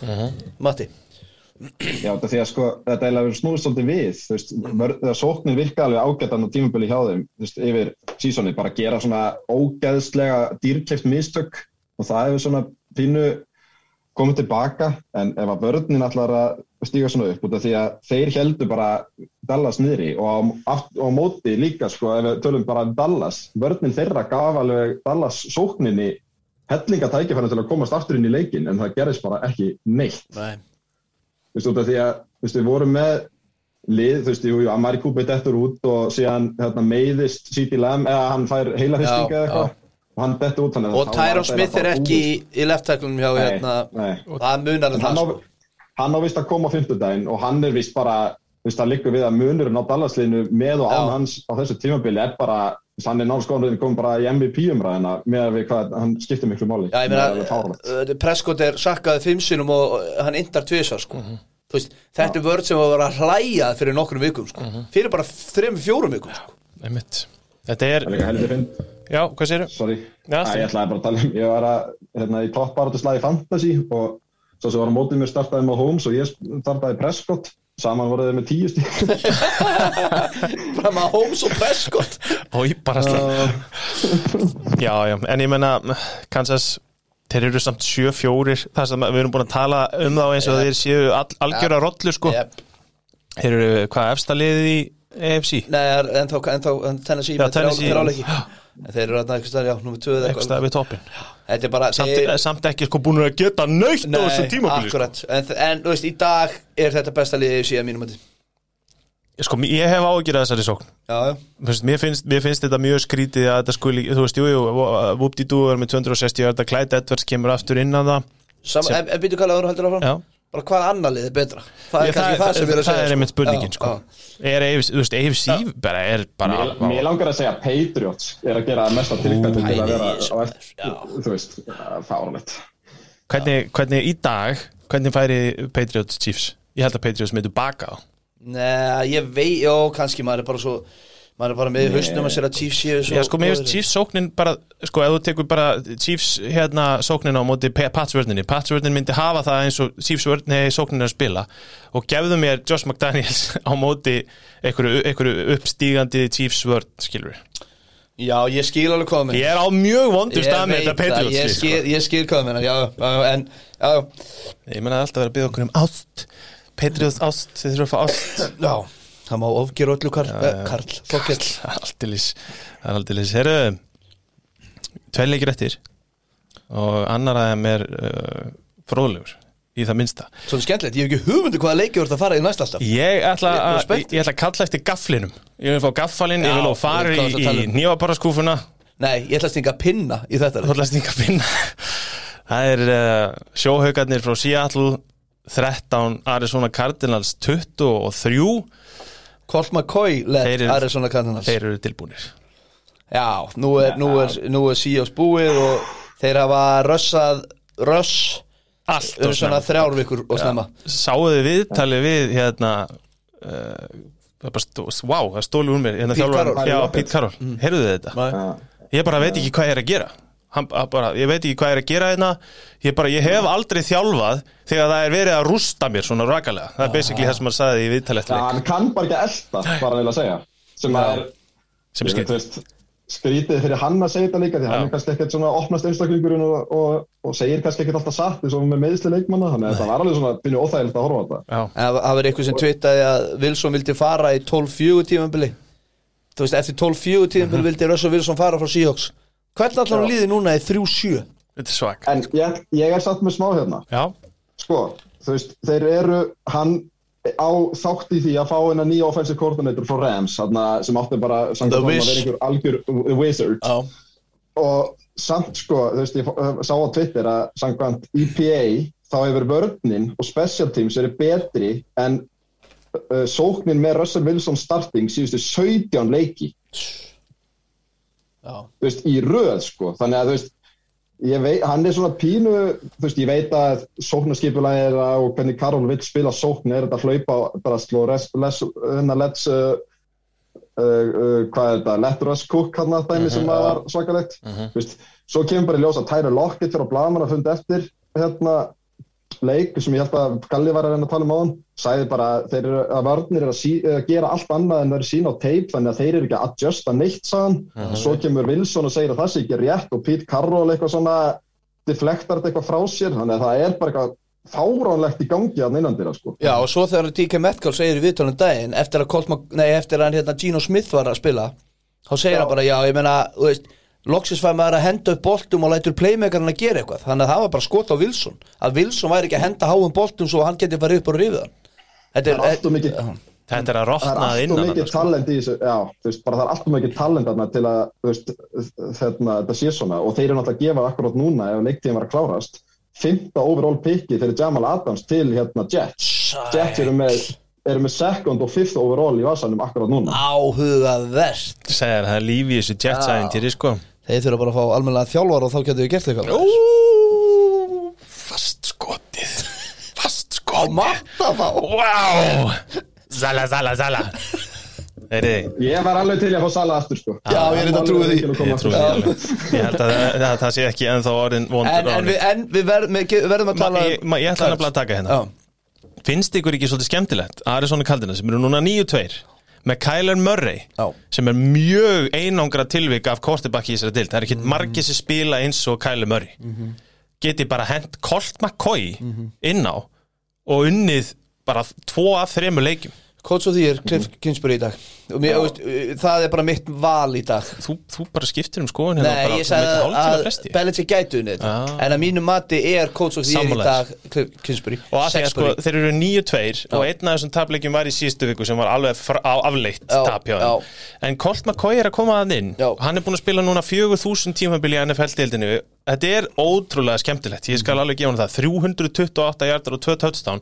Og ég ætla að velja 20 vikunum í þessu leik það er Earths Það verður sér að smetla vel að inn maður. Að því að ég, sko, að því að við vorum nú að hérna, að- auðsa rósum yfir Eagles. Þeim tókst ekki að nýta Sackers við vorum með Dallas Goddard komin, komin í tæta end 1 fyrir framann hann, okkar maður, 8 gripna 88 hjarta og 2 touchdown. Já. endur lífgun á nokkrum gömlum köllum í þessu liði, er, að því að AJ Green er með fjó, fjögur grip fyrir 78 hjartum og eitt alveg drullu nett þar sem hann var svona gamli góði AJ Green. Ég er svo sko, mér langar svo mikið að sé þessi brjálæðislega hrifin að þessu Ari- Arizona Cardinals, það er bara svo gamalt teik að því að, að þeir eru þeir eru geggja liðmaður. Þeir eru að gera þetta með sko stittu í vasanum, basically, í Colt McCoy. Já. en það er samt ég hef smá áhyggjur af þessum mörri meðslum ég veit ekki hvort þeir séu viljandi að senka þessu út af því að þú veist, hann er að æfa og svo bara dettur hann út. Ég er 100% á því. Mér, Ég heyrði að hann réði sjálfur hvort það myndi spila eða ekki. Og hann vildi og kvíla svo, voru þeir sko að sæna gaur hérna, af einhverju praktisbotti, quarterback inn í bævikuna, þannig að fólk er svona farið að vera svona smá stress þú veist, það er ekkert mikið stress, en svona það er, það er stress byrjað að myndast svona, er þetta kannski verra en þeir heldu Já, en, en þeir eru að fara í bæviku núna eða ekki? Jú. Þannig að Jú, en þeir, þeir sæna hann í gær. Mér finnst, en Já, nýja ok, quarterback sko. þannig að þú veist ég það er eitthvað myndastofna en ég held samt að þú þarf að stressa strax kannski er það bara geimann í play-offs þegar þeir eru nýju tvær. Þetta geti, einmitt, þetta geti líka bara verið eitthvað smóskrín hjá þeim, þú veist, Kælum Möri færi hérna fjórar fríar vikur, þeir spila þrjá leiki á þeim tíma og vinna tvo af þeim, þú veist, þetta gæti ekki læna betur upp fyrir þá, þeir eru nýju tveir efstir í, í, í NFC, þeir eru bara á frábærum stað og svo kemur Kælum Möri Já, já. Eftir Thanksgiving þegar deildin fyrir að skipta máli kemur hann aftur inn? Ég hef enga stórkostlegar á að gera þessu. Nei ekki, ja, en mér langar bara eldsnögt í það bara af því að við dætti þetta já, þetta er bara þetta er bara frábært tímabil hjá þeim. Þeir eiga núna Bears, Rams, Lions og svo Colts, Cowboys, Seahawks. Þeir eru alltaf að fara að vinna 11 leiki 12 leiki. Tónleiki Já, já, þetta er ótrúlega þægilegt fyrir Arizona. Mjög vel gert. Ég en, og ég held nefnilega að Rams er ekkert að fara sko þú veist, Rams er held ég erfiðast að sketsa þessum eftir í dildinni þetta er Þannig að- skemmtileg deildvalur þú veit að þetta er skemmtilegt. Hún er hann klekkuð er klakkuð, herru við eigum þetta tvo leiki eftir núna. Að því að við erum á þriðudegi þá eigum við mánudagsleikin Já, ég held að þú er að tala með, hver er hinn? já, Chargers Steelers, Já, vá, maður, litli leikurinn maður. Sunday night. Ég var búin að gleyma honum. Það, Ég horfði nú á hann maður, djúbætlar hann skemmtilegur það var leikur. Var það leikur? Þetta var náttúrulega aldrei leikur fyrir en bara í lokin þegar að Chargers bara fór í gamla Chargers og ætlaði bara að klúra leiknum Ég ætla að segja það, Los Angeles Chargers 41, Pittsburgh Steelers 37 Hvað segirðu mér? Ég segi bara það að Ben Roethlisberger leit vel út Sérstaklega í byrjun Og ég meira þess að hugsaði bara Ha, býtu, hvað er Ben Roethlisberger að gera í byrjun? Bara að slinga honum og bara taka þokkulega löng og först köst Mhm. Ég hef bara ekki séð þetta lengi Og hann er að koma út úr þessu COVID-dæmið þarna. Og ég bara, heyrðu, ok, býtu, eitthvað er í gangi hérna Og svo bara kemur Justin Herbert og hugsa bara, heyrðu, ég er hérna bestu kjúpum í deltinni Ekki bara kasta, heldur allir að hlaupa núna. Og hann var bara reglulega að taka 20 hjartar hlaup. Nýju tilunir fyrir 90 hlaupajörð. Já, og hérna og, og þeir svona einhvern veginn náða hérna að já, að kom, ná fínni fórustum við minnir að það voru 17 stöðum yfir í lók þriðalegluta, mm -hmm. getur það verið rétt hjá mér? Mm -hmm. 27-10 já, svo bara allt í einu fer allt í skrúuna og þeir þurfa að vinna og, og þannig að Steelers kemst yfir og þeir þurfa að vinna leikin á broken coverage í lokin þar sem að Mike. Mike, Mike, Mike Williams, Já, Mike Williams, Mike tekur langt touchdown og vinna með fjórum. Eða hvað það var veist, þetta var galin leikur Mhm. og það voru fullt af stílist að það var farnir af SoFi Stadium í byrjun fjóraleiklunda Já. bara pyrraðir Já. Sem var nú megnið á að Já, og hérna en, en ég hef áhugjur að Chargers þessari vörð, hún er bara ekki nóg góð sko. og það er kannski mestu vonbrið með Brandon Staley í þessu þjálfartæmi mm -hmm. þjálfartæmi Já. Ég er En- sammála en- því, en- vörnin hjá þeim er þeirra svona akkilisar fáast í Já. 27 stig í fjóralegluta Já sko talandi um það, hvað er þetta mörg 30, 41 stig skorað Já. í fjóralegluta svo leik. En sko, já klálega. En við verðum líka að tala um Austin Eckler sem er fjögur töstan í þessu. Bara auðmikið hann, þá var Jonathan Taylor með fimm í sömu umferð. En Eckler er bara einn af svona skæðustu vopnum í, svo, í þessari deild. Hann, er svo, hann er svo góður að hlaupa og svo er hann geggjaður í grifling En nú spyr ég að því að ég sá ekki mínúnda þessu leik og við vorum að tala um í síðustu viku þá voru þið basically bara konu með Justin Herbert í mjög skrítin handjón. Hann var bara að kasta stutt á bolt á eitthvað. Var þetta bara allt annað? já, mér fannst það. Þetta er, þetta er alveg, þú veist, svona bara með að við statlínuna og hvernig leikmenn er að spila í þessu leik. Ég meina Kínan Allen með 112 hjarta Mike Williams 97, Austin Eckler 65 gripna hjarta, hlaupna 50 þetta er sóknin hjá Chargers Já. sem er skemmtilegt að horfa á. Ekki það sem hefur gengið á síðustu þrjár vikurnar þrjár fjóra vikurnar hjá Chargers. 100% ég hef mjög gaman að, ég hef mjög gaman að horfa á hérna, Chargers og, og, og aftur Herbert bara geggjaður og sínd og sannað að hann er bara eitt besti kjúbi í deltinu og, Þessi statlína hjá honum hefur aldrei verið gerð áður í NFL-deildinni. Fakt. 382 Nei. hjartar og 90 hlaupahjartar, það hefur enginn gert þetta Nei. í NFL-deildinni. Hann, þessi gæi, hvað áar orðið mikið að metum? það er mjög góð spurning Hann náttúrulega braut öll rúkimetin í fyrra. en það vantar náttúrulega TJ Watt hjá hérna, Já, og Fitzpatrick. og, og Minka Fitzpatrick Og þeir tö- töluðu um það eða, að þetta play í lokin hefði aldrei verið en Minka Fitzpatrick hefði verið að spila. En það er bara eins og það, Það er. þeir bara triplu þreföld á Cameron Hayward sem er búin að vera besti varnamæri í deildinni í ár Já. hjá Pittsburgh, hann komst ekki neitt fyrir en svo losnaði sömur í lokin. En hann átti eitthvað ljótasta dæmi sem ég sé lengi. Sem kýldi hann bara kýlir hann í magan og það er hægt að skoða þetta aftur og dómar hann að gera það ekki. Þeir fá ekki kall frá New York. Við erum að tala um að Cameron Hayward eldir Herbert niður liggur hún á hennum og kýlir hann bara í magan það er ekki hægt að segja neitt annað og New York var, voru ekki að horfa leikin var engi bara herðu nenni að skoða þetta aftur og henda honum út? Galið. Líka sáu þið það sem hann sagði. Hérna, Cameron Hayward, hann sagði eitthvað it was all a mis misunderstanding that looked funny on television. Ok, ég var já, veist, ok, áhugavert. En þetta stíleslið er ekkert agalegt sko, þú veist. Ég er alveg, ég er ennþá með auga á þeim í, hérna, að þeir gæti alveg gert eitthvað á þessu tímbili þú veist, unni playoff leik eða eitthvað sko. Þeir eru 5-4 og ég sem galna riðlega þarna. Ég eins og segi ha, 5-4-1 fyrir ekki, fokkin ég segi ekki þannig að ég eins og segi ég stíles gæti alveg gert eitthvað eitthvað staðar, eitthvað tíman á leiðinni. Jaha, hvernig hljóma þetta? þetta hljómaði eins og mækarinn bara. Já, bara frítryggja sig Ég ætla að tjekka þetta eldsnöð bara.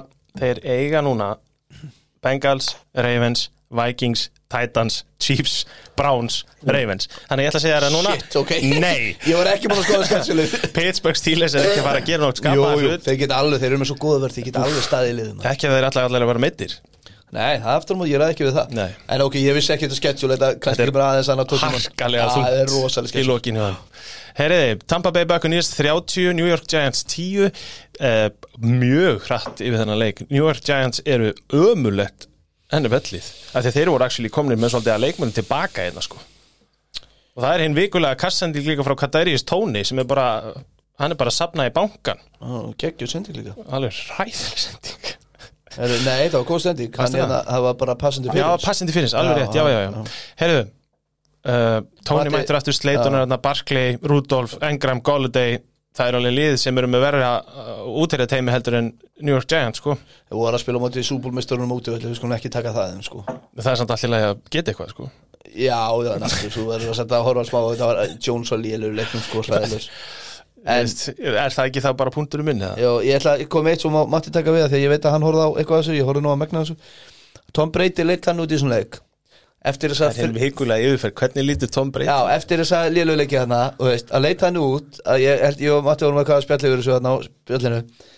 Hann leit þannig út að hann er að fara að vinna fucking áttunda súbóltillinu sinn. En MVP-titilin Já, geti alveg verið þannig. En þú veist, hann, hann var bara það innstiltur þarna, í, í, lengi vel og þarna sá ég bara, heyrðu, þarna er Tom Brady sem við þekkjum. Hann, var, ó- hann var rosalegu sko. ég ætla samt ekki að taka það af, af Giants að þeir náðu ekki pressa á hann til að bjarga lífi sínu og hann hefði getað tjaldað í vasanum áður en að kastaði boltanum sko. hann að, uh, sorry, já Matti, tættu þetta. Liðið svo Giants sem er þú veist þekkt fyrir að vera sko í gegnum tíðina með góða passrössara. Þú veist, það er bara ekki neitt. Þeir eru góðir að stoppa rönnið mm með hérna Lawrence og hérna hinn sem er fengur frá Jets í treytinu en það er bara ekkert passröss þarna og á móti Tom Brady það var þetta aldrei spurning sko þú veist. Og Tom Brady svo segir lukkar vel og mér finnst hann vera svo sjúklóð uppin þetta hérna sísoni með interception. Ég fekk skilabóð í nótt bara hvað er málið með Brady interception? Veist, þetta er bara interception en það var bara screen pass á Evans sem Evans greip ekki poppa upp í lotti og á hann greipin og ég sá bara akkurat eftir leik bara Tom Brady has four turnover worthy throws. Já, átta interception. Josh Allen 16 turnover worthy cost 9 interception. Þannig að þú veist Brady er að eiga einhverjum svona historic óhefni með vætir síðan sína því að við erum nú talað um það hvað þeir eru þú veist geggjaðir en þeir eru samt að svíkjan slatta og svo eina sem ég skrifaði um Giants hérna, þú veist, þeir eru eina liðið síðustu, síðan sko í byrjun á 2020 tímbilinu sem skorar ekki 30 stig eða meira. Þú veist, þeir eru ekki búin að ná því einu sinni. Shit, hvað er liðlegt kemur samt á óvart að það séu svona fálið sem að, en hérna já, Brady náttúrulega yfir og sem Já, og líka sko Joe Judge, þetta er fyrsta sinn eftir leiki sem að, svona, þeim eru að skítapa og gera ekkit svona leða sem hann gefur ekki Jason Garrett svona vote of confidence Mhm. Þú veist, þannig að það er greinilega eitthvað að trubla á. Eiga þeir ekki eftir hérna bævíku, er ég að örgla með það? mm, þekki, Bara þekki spákort. nei, ég held þeir séu búin, æ, fokk ég þekki en Já, það var nokkur sinni mynd á Garrett Garrett verður ekki þarna næsta á sísoni sko. Og það var líka mjög fyndið að horfa á manning bræðina því að náttúrulega báðir heldur með Giants greinilega en Eli sérstaklega. Og það var alveg svolítið gaman að horfa á það sko því að það var alveg, það var alveg innlifun í þessu jáðum sko. Og það var þetta ek- ekstra góði þáttur í gerð þegar Kevin Hart kom hana Já. og Bill Parcells. Alltaf gaman að gera grínaði hvað Kevin Hart er lítill. Það er bara Eli bara að lifði á því sko. Jésús minn. Það verður ekkert grín held ég bráðum þreytar heldur en það. Herriði, ég er búinn að gera mitt besta til að fá bygga til að tippa ekki komið. Það hefur ekki gengið. Þannig að því að því að hann fær 0 stík fyrir þessu það umferð er hárið þannig að það er meira en hann fekk í það síðustum fyrr Það fekk auka mínusti hana í jafnteflisvikunni. Það byrjar alltaf í mínuskallin Það er svo leis Herru, það eru þrýr leikir á Thanksgiving, gott fólk. Það er einn árlegi Lions leikur uh, Við byrjum klukkan 6 á fimmtudaginn. Það er í lagi. Kostum ekki undan því? Nei.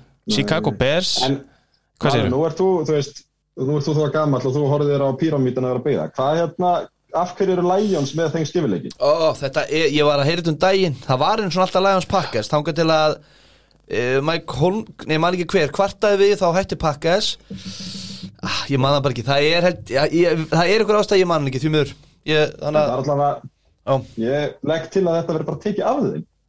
Já, það er búið að kalla eftir Já. því í hérna ansi mörg ár um, Já, af hérna around í NFL Það er þið árlega af hverju eru Lions með, með Thanksgiving leikin Já, Herru, þeir eru búin að vera með að síðan síns með 1934 Lions eru einn Cowboys eru einn frá 1966 og uh, frá 2006 bættu við þriðja leiknum við.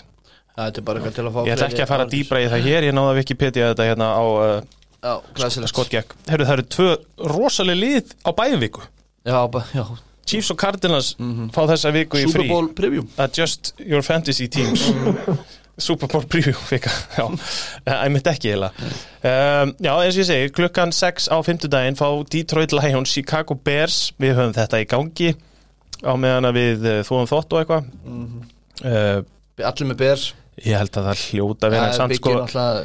byggja Bears eru samt í þannig brekku að mig langaði alveg að setja á Lions þarna sko En af því að Andy Dalton kemur líklega til með að spila þá uh, er, er, væri það held í glórulust val þeir eru alveg, er ekki Tim Boyle að fara að spila það? Jú, ég held að. Guð minn, Já, hans ég veit það þetta er leikur Já, maður. hverju, við fáum líka alltaf bara ykkur að bakka upp núna. David Bláð hann einhver tímann og, Já, og Ég vil frekar sjá hann sko já en enn ekki að Tim, Timmy. Já. Timmy, Timmy! Það ber svo línuna. Já, Það þarf ekki að fara, ykkar, þetta, fara neitt frekar í það. Klukkan 21.30 er Las Vegas Raiders. Þeir fara til, Dal, uh, til Dallas. Mæta þær Dallas Cow Cowboys. Það er boys á línuna líka. Held ekki þú bara að tippa fyrir bygga hérna. Ég hefast um að taka í Raiders. Uh, Raiders í massífri lægð En ég svo sem ákvaða að láta það vera í þessar vika að drullu við Mike McCarthy. Hann átti ekki viku uh, lífsins hérna um helgina. er horrið sér Og hérna, en, en Og Dallas aðdóðandu farnar að Svolítið hrauna hann, böna hann ah, Velkomnir. We've been here before. Upp að fá Þetta er, já, ég meina Boys verða bara að vinna hann leik sko. Já, pakkes með stundum sem voru hrauna En já, en þá er það næsta leikur sem er nú áhugaverðustur að þessum. Ég ætla að segja hann að Cowboys eru sjö stiga favorites á Coolbet Já, ég kaupi það. Síst og mikið Síst og mikið, ég bjóst við meira sko. Já, þetta er svona, þetta er geggjaður leikur til að koma tilbaka Klukkan 20 myndur yfir eitt á íslenskum tíma. Uh, New Orleans Saints á heimavelli fá Buffalo Bills. Þetta er heldur skellur að þessi leikur sé þarna. Ég, Það er starfstæður á bæði leikskólanum og grunnskólanum daginn eftir á mér. Og Bönnin heima. börnin heima. Já, helvitis Eh, Svo var þau ekki út Það er eitt við hennar leik hérna. Nei, Man langar að segja, þeir Bills eiga það nú til að vinna svona, svona lélæri lið. En ég veit ekkit hvað Saints er. Saints er mjög gott hlaupavarnalið og Bills hleypur ekki þannig að, ég, Þannig að við erum bara góðir. Það er bara að henda og reyna allavega að henda en ég veit svo sem ekki á hvern. Hvernig er staðan á Alvin Kamara? Það er þetta góð spurning. Já, hann, hann æfði ekki gær. Er, þú veist, hann er sérst bara day to day basically ja. Já, þú veist, þetta er svona ekki ólíkt uh, Bakhtiari meðslónum sem reyndar var að vera að koma eftir núna rétt á hann hann fór í aðgerð í gær uh, helgina eða eitthvað. Já, en, hann, en þeir búast við honum for the long stretch bara Ok, ekki cool. þessari viku. Ok Við þurfum hann. Bills og En já, þetta, er svona, þetta er svona pínu þannig, þú veist, við vitum ekkert hvað þetta er. Það er ekkert búið að koma í ljós, þú veist, hvort þetta sé MCL eða ACL eða hvað þetta er, sko. Það er bara, Já, Kamara, já. Mhm. En þeir get ekki dánans verið þannig að þess að Nei, segjum við held ég allir. Bills hérna. Bills eru uh, á fjóra hálfstíð favorite Já, og bara eftir hennar síðasta leikja Bills þá verða þær að koma tilbaka og ef þeir geta eitthvað þá gera þeir það. Og þeir gera Pínlítill, fa- hérna, uh, betting fróðleiksmóli frá mér hérna. Ég held að Önder sé að skila gríðalegum tekjum í hús á þetta tímabilið og ég er að horfa hérna á overhunderið og það er lágt þessa vikuna, sjáu þetta? Já. 45, Já, 42, 46, 44 það er einhver í Vegas búin að lesa þetta. Já, veð, veðmála síðan eru sko þvíleitt að klemma sér saman, þú veist, þú sér líka bara á spreddinu, sko, þeir vilja, þeir gefa engin stig, nei, Þetta er, það er ekkit hérna gamla góða 14 stiga favoriti eins og við erum búin að sjá hérna bara síðustu vikunar uh, Það er nú kannski líka vegna þess að Jets og Houston, Texas mætast hérna setna í þættinum. Já, já, alveg þetta uh, Sunnudagar klukkan 6 1, 2, 3, 4, 5, 6, 7 leikir. Það er nú aðeins skára, ekki nýju eins og þessa helgina. Nei. já. Pittsburgh Takk. Steelers fara til Cincinnati mæta þar Bengals. Uh, Sko Ég er einn með Bengals eins og staðan er núna. Já, ég henda stíð, það er nú líka svolítið til að vinna stíðu því, ég skal vinna, viðkynna það, við Matti unnum eitt stíðu þeir núna. Já. uh, Nú er allt í hægt að tala um það Þegar þú fannst eitt stíð tilbaka. Nei, ég, hérna, ég hef alveg trú á þessu stíðuslið og ég held að ef þau komaðan tilbaka ykkur er hérna í vörninni þá geta þær alveg unnum bengalslið. Já, alveg sammála því. Já, þannig ég, verðast þeir hafa svolítið yfirhöndina, það var svona sem ég sem var, var svolítið að stóla á. Ok, ég hugsaði bara að Bengals eru í bullandi sjans Þú veist, á að, að rúla sér inn í playoffs. Þetta er einn af leikjunum sem ætti að vera svona kannski ekki alveg vonlausir fyrir þá það sem eftir að tímabilinu. Bengals á heimaðalli þryggja hálfstigs favorite sem við finnst svolítið mikið neyndar uh, og það er kannski það sem Matti var að segja á hann það er bara eitthvað steikt í gangi þar. Þannig að uh, sjáum hvað Biggi gerir. Það engin, við getum ekki rætt það hér. Birgir, gerir það sig. Uh, Dolphins heima fá Panthers. Valur Hvað Já, ætlum þú ég að á eftir tippa? að gera, já uh, Ég ætla að segja Panthers. Panthers á línuna. Er það, er það, jú, Panthers. Eitt og hálft stig, það er ekki mikið. Ég held að hljóta að vera Panthers. Ég bara, sko, það er eitthvað við þetta Dolphinslið sem ég er ekki alveg Nei, að veist, sjá. Þú veist, þeir eru jú búin að vinna þrjáleikir rauð og eru ágætis rönni en þeir eru eitthvað passing the eye test fyrir mig einhvern veginn nógu vel og mig grunnar að, að hérna, Cam Newton Jú, jú. sé svona að komast inn í hlutina. Jú, ég hendi Panthers, ég er bara uh, CMCF tekur þetta. Ekki bara, Jú. Kam og CMC aðeins svona meira lími í þessu. Já, Það kemur hjá þeim. Ég er ekki að segja að þeir vinni rest sko. Nei, nei, ég skil En þetta er þetta leikina sem þeir þurfa að vinna. Þeir ætla að koma sér í play-offs og þeir eru í bullandi sjans uh, New York Giants fá Philadelphia Eagles. Uh, Eagles sko uh, mínus 3,5 taka það og bara Já. taka Eagles og stíin og bara þú veist húsið, takk. Þetta er svakalett, þetta er rosalega lág lína. En það segir mér að það er eitthvað hann sem við erum ekki að sjá sko. Biggie hendi Lions að sjálfsögðu. Hann er að Ah, já, henni hann er að tippa í beinni. Já. En Eagles, já, við tökum Eagles allir hérna. Ég menna með að við hvernig vörðin hjá Giants var að spila um helgina Guðminn góður, Jalen Hurts go crazy sko, startið minn í fantasy lineups. Ég er svo hrifin að þessu gæja sko. Já, hvað segir þið? Akkur held þú? þessi kortabæk eitt í fantasy. Já, Biggie 100% Býtu, hvað eru að, já, já, Miami, það er Úlfur og Hann er með Úlfa Miami, hann Biggie og hann já. tekur Bengals yfir Steelers svo er hann komin til okkar núna, það er næsti leikur. Þetta er svona, Heru, það er Patriots heima Fá Tennessee Titans í algjör í lægð Það er Pa- Pa- Patriots og línuna og bara töluversta stig og mínus 5,5 Ég held að Patriots eru bara á okkur mjög hressandi rönni og er að fá Tennessee Titans á besta tíma. Já, já, ekki spurning Þú veist, á besta tíma án hérna Patsvörnin á, Já, góðu já, já. eiga að gegja tímabil. Hann er alveg bara svona proper möguleik í Defensive Player of the Year Já, dæmi. Í rauðu treyjunni sinni, undir. Ég er auðvitað treyðin undir maður. Engu við þetta að bæta það? Ég vil bara, ég vil sjá Patriots vinna þetta. Ég, Það er að segja, sko, ég vil sjá það og segja bara, heyrðu, við erum hérna og við erum ekkert að grínast. Mhm. og, við, og meiri segja bara með 5,5, skilur við Tjóðlar eða nett líka bara þeir eru komin í átta sigurleiki. Það er bara drullu vel gert með að við hvað við vorum, fóru rólega stað sko. Ríkalega vel gert. Já, já. Næsti leikur er, er Red Zone út, bara, Það eru tvei leikir í þessu glugga sem að mega bara að vera svartur skjár fyrir mér. Það er Atlanta Falcons, þeir fara til Jacksonville. Uh, Já, nákvæmlega, þið sáðu þetta ekki en, en það var stóra spuritan á valina mm. uh, Biggi segir Jaguars Matti segir Jaguars og ég og Valur tökum Falcons Þetta er svo kallar flip a coin leikur. Jep, Það er eitt Falcons stig til. Falcons. Uh, Guð minn Gamli góði góður heimavellurinn sko Sundlaugin og eitthvað. Já, já Takk. Heimallin hefur gefið við slítið ár, sko. En, Það, það sem ég hef einmitt mestar er ágjör að vera. Ég held að sér rétt hjá Matta að Falcons getur verið orðni lélegasta liðið bara. Já, ég er sammála því. Þeir eru umulegir Ég er sammála því. En mikið svakalegur Jacksonville lélegir líka maður. og ég held bara sem er betri QB Já, vissulega Þetta er hérna Cal Pitts game Er það ekki? Segjum það. Herru, Colts heima fá Buccaneers í heimsókn. Þetta finnst mér skemmtilega ég er sammála því mjög áhör Þarna er Mattias með Úlf Þó svo að uh, Colts hafi ekki unni eitt einasta Jú, eitt gott lið á tímabilinu Þá er það bara flott hjá þér Matti minn. Ég er hrifin að þessu. Buccaneers samt bara mínus 2,5 Það er ekki mikið. Þetta er bara mjög áhugaveru leikur. Þetta er frábæleikur í Já. þessum að Því að það hefur sínt sig í núna undanfærið að það er alveg hægt að hlaupa á þessa Bucks vörn og vörnin í gærlega með spyrjaði mjög illa en og eh, með Jonathan Taylor Þetta er, midst. er eitthvað rönna þessi koltsliði sko Það er hérna en Svo getur þetta líka að fara í 40-15 sko það er bara ekki spurning, Buccaneers. ekki spurning. Já, já, já Ég hérna Það er alveg taka á liðum Það eru leikir í þessum glugga sem að ég gæti alveg hugsa mér að setja bara á skjáinum, bara þrjá saman. Og það er Panthers Dolphins finnst mér alveg mjög áhugaverður, Steelers Bengals eru mjög áhugaverður, það eru fjórir hérna Titans Patriots og svo Buccaneers Colts. Þetta eru fjóri mjög Já, góði leikir í því. Svona lúmst góður einhvern veginn. Já, heldur betur. Herðu Jets Titans, nei Jets Texans segi ég. Uh, það er Úlfur á bygga sem er ekki dósakjarn Joe Flacco time.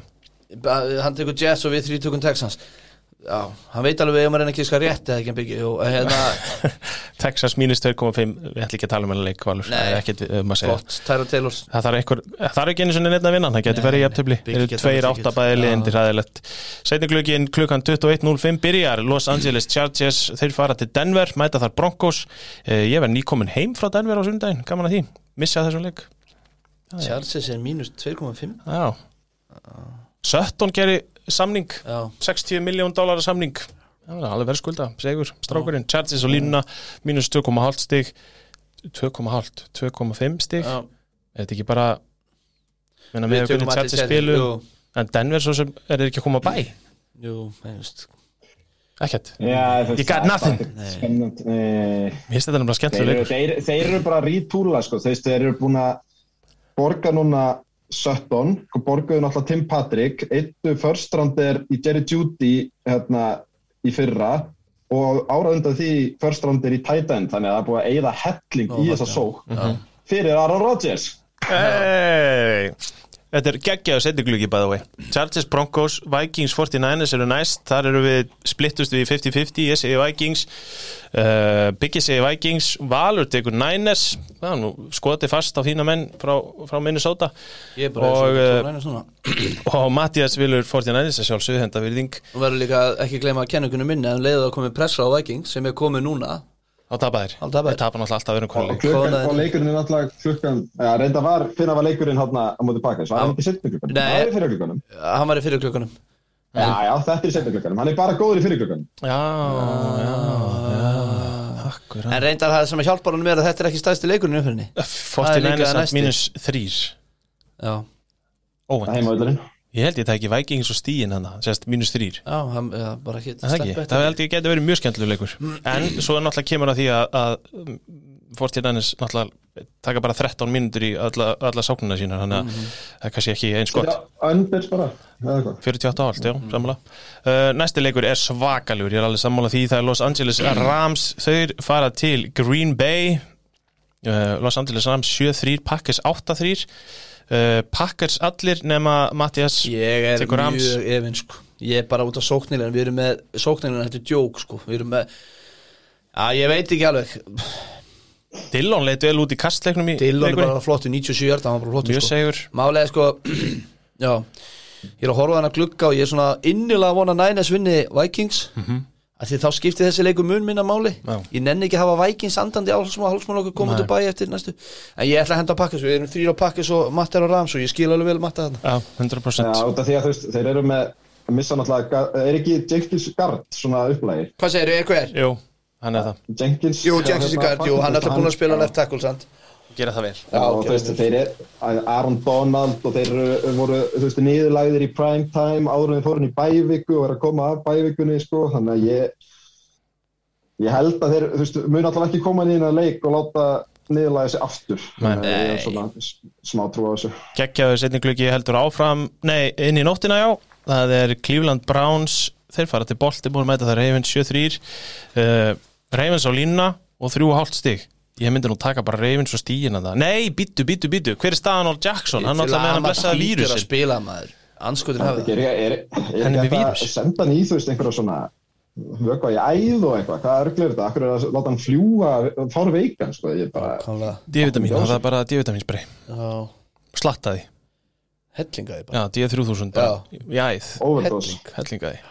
Hörru, mánudagur uh, þau bara Já, Við fáum ekki einu svona menningklæst þarna, sko. Eh, eh, bara Guð blessi alla sem horfa á þennan leik. Seattle Seahawks 3-7 fara til Washington mæta það er football team. 4-6 það er fútboltím og línuna. En það eru Seahawks í einhverju algjöri hólu með enga skóplu sko. Ég var kenni síjóks aðtönd Það er orðið hinskil þetta er ekki gott, Líka. þetta er Þetta reikalegt er svo mikið þrótt sko. Ravens, og, og komið tíma þjálfara sem þeir elska væntanlega sko, þannig að þetta er ræðilegt sko. já, ég ætla að segja hérna Ravens Browns er 46,5 í over og under það er eina sem að mér svona eh, kannski allt í lega, mm -hmm. kíkja á það. Uh, fútboltím mínus 1,5 það er ekkert meira um þetta að segja. Það er ekki neitt mér uh, ferlegur mánudasklugin hefði litið vel út ef, eitthvað, ef það væri eitthvað að frétta þarna. Herri, annars bara takk fyrir að mæti þáttunars bygga Takk kjærlega fyrir að bjóða okkur byggi og hérna bara Guð blessi þið byggi minn ég vona nú að komist út úr þessari verkefnarhrúu sem þú varst í.